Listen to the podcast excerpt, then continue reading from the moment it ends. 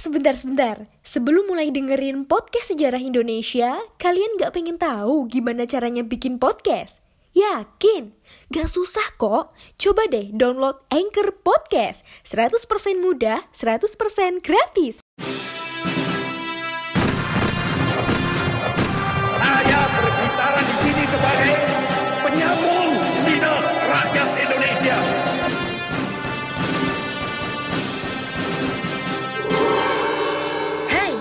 Terima kasih sudah memilih mendengarkan kami, Poseidon. Podcast yang bikin kalian gagal move on. Halo Sobat Masa Lalu, selamat datang kembali di podcast Sejarah Indonesia Podcast yang bikin kamu gagal move on Gimana nih kabar kalian? Semoga kalian dalam keadaan baik-baik saja ya Kali ini kembali lagi bersama aku, Nisa Fazalina Dan kita bakal bahas tentang Perang Diponegoro jadi teman-teman, perjuangan dalam melawan pemerintahan Belanda juga dilakukan di Jawa, seperti yang dilakukan oleh Pangeran Diponegoro. Perang Jawa atau Perang Diponegoro berlangsung selama lima tahun, yakni tahun 1825 sampai 1830. Ada dua penyebab terjadinya Perang Diponegoro sendiri. Yang pertama adalah sebab umum, Sebab umum terjadinya perang di Penogoro adalah rakyat dibelit berbagai bentuk pajak dan pungutan. Kemudian, pihak keraton Yogyakarta tidak berdaya menghadapi campur tangan politik pemerintahan kolonial.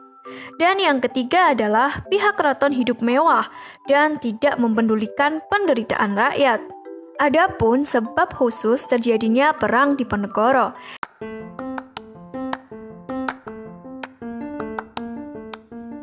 Halo Sobat Poseidon, kalian pasti sudah tidak asing lagi dengan Anchor. Yap, aplikasi penyedia jasa untuk para podcaster pemula dan juga pro. Buat kalian yang pengen mulai nge-podcast, langsung download aja Anchor di App Store ataupun di Play Store. Di sana, kalian bisa nge-podcast dengan banyak banget pilihan background musik. Setelah itu, kalian bisa mempromosikan podcast kalian ke mana pun. Secara otomatis, nanti akan di-sharekan oleh Anchor sendiri. So, tunggu apa lagi? Cus, nge-podcast bareng Anchor.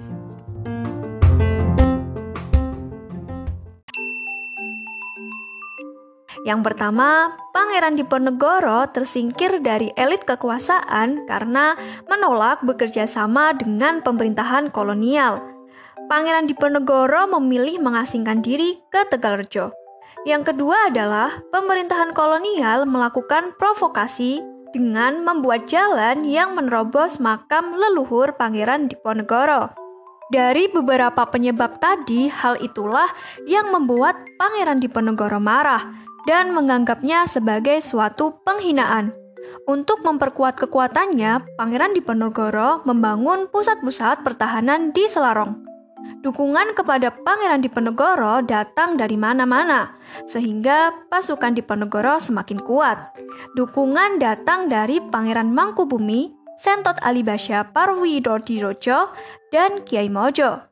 Untuk menghadapi perlawanan Pangeran Diponegoro, Belanda mendatangkan pasukan dari Sumatera Barat dan Sulawesi Selatan di bawah pimpinan Jenderal Markus de Kock. Pangeran Diponegoro memimpin pasukannya dengan perang gerilya. Untuk mengatasi perlawanan Diponegoro tersebut, Gubernur Jenderal van der Kapellen menugaskan Jenderal Markus de Kock untuk menjalankan strategi benteng Stelsel, yaitu mendirikan benteng-benteng di setiap tempat yang dikuasainya. Antara benteng yang satu dengan benteng yang lainnya dihubungkan dengan jalan untuk memudahkan komunikasi dan pergerakan pasukan. Taktik benteng Stelsel ini bertujuan untuk mempersempit ruang gerak pasukan di Ponegoro. Pasukan Diponegoro semakin bertambah lemah terlebih lagi pada tahun 1829 Kiai Maujo dan Sentot Alibasya Parwirodirjo memisahkan diri. Lemahnya kedudukan Diponegoro tersebut menyebabkan ia menerima tawaran Belanda untuk berunding di Magelang. Dalam perundingan tersebut, pihak Belanda diwakili oleh Jenderal de Kock dan kemudian gagal mencapai sepakat. Kemudian Belanda menangkap Pangeran Diponegoro dan dibawa ke Batavia, yang selanjutnya dipindahkan ke Manado, lalu dipindahkan lagi ke Makassar dan meninggal di Benteng Rotterdam pada tanggal 8 Januari 1855. Perang di Ponegoro yang berlangsung selama lima tahun tersebut membawa dampak antara lain sebagai berikut. Yang pertama, kekuasaan wilayah Yogyakarta dan Surakarta menjadi berkurang.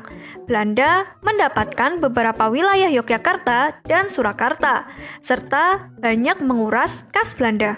Demikian penjelasan mengenai Perang Diponegoro. Dari perang tersebut, sebagai generasi masa kini, kita harus meneladani semangat juang dari pahlawan kita, yang mana tetap optimis dan memiliki semangat juang yang tinggi dalam melawan penjajahan. Oke, stay safe, stay healthy, stay happy, dan jangan lupa follow kami di Instagram at podcast underscore sejarah Indonesia. Terima kasih sudah mendengarkan dan sampai jumpa.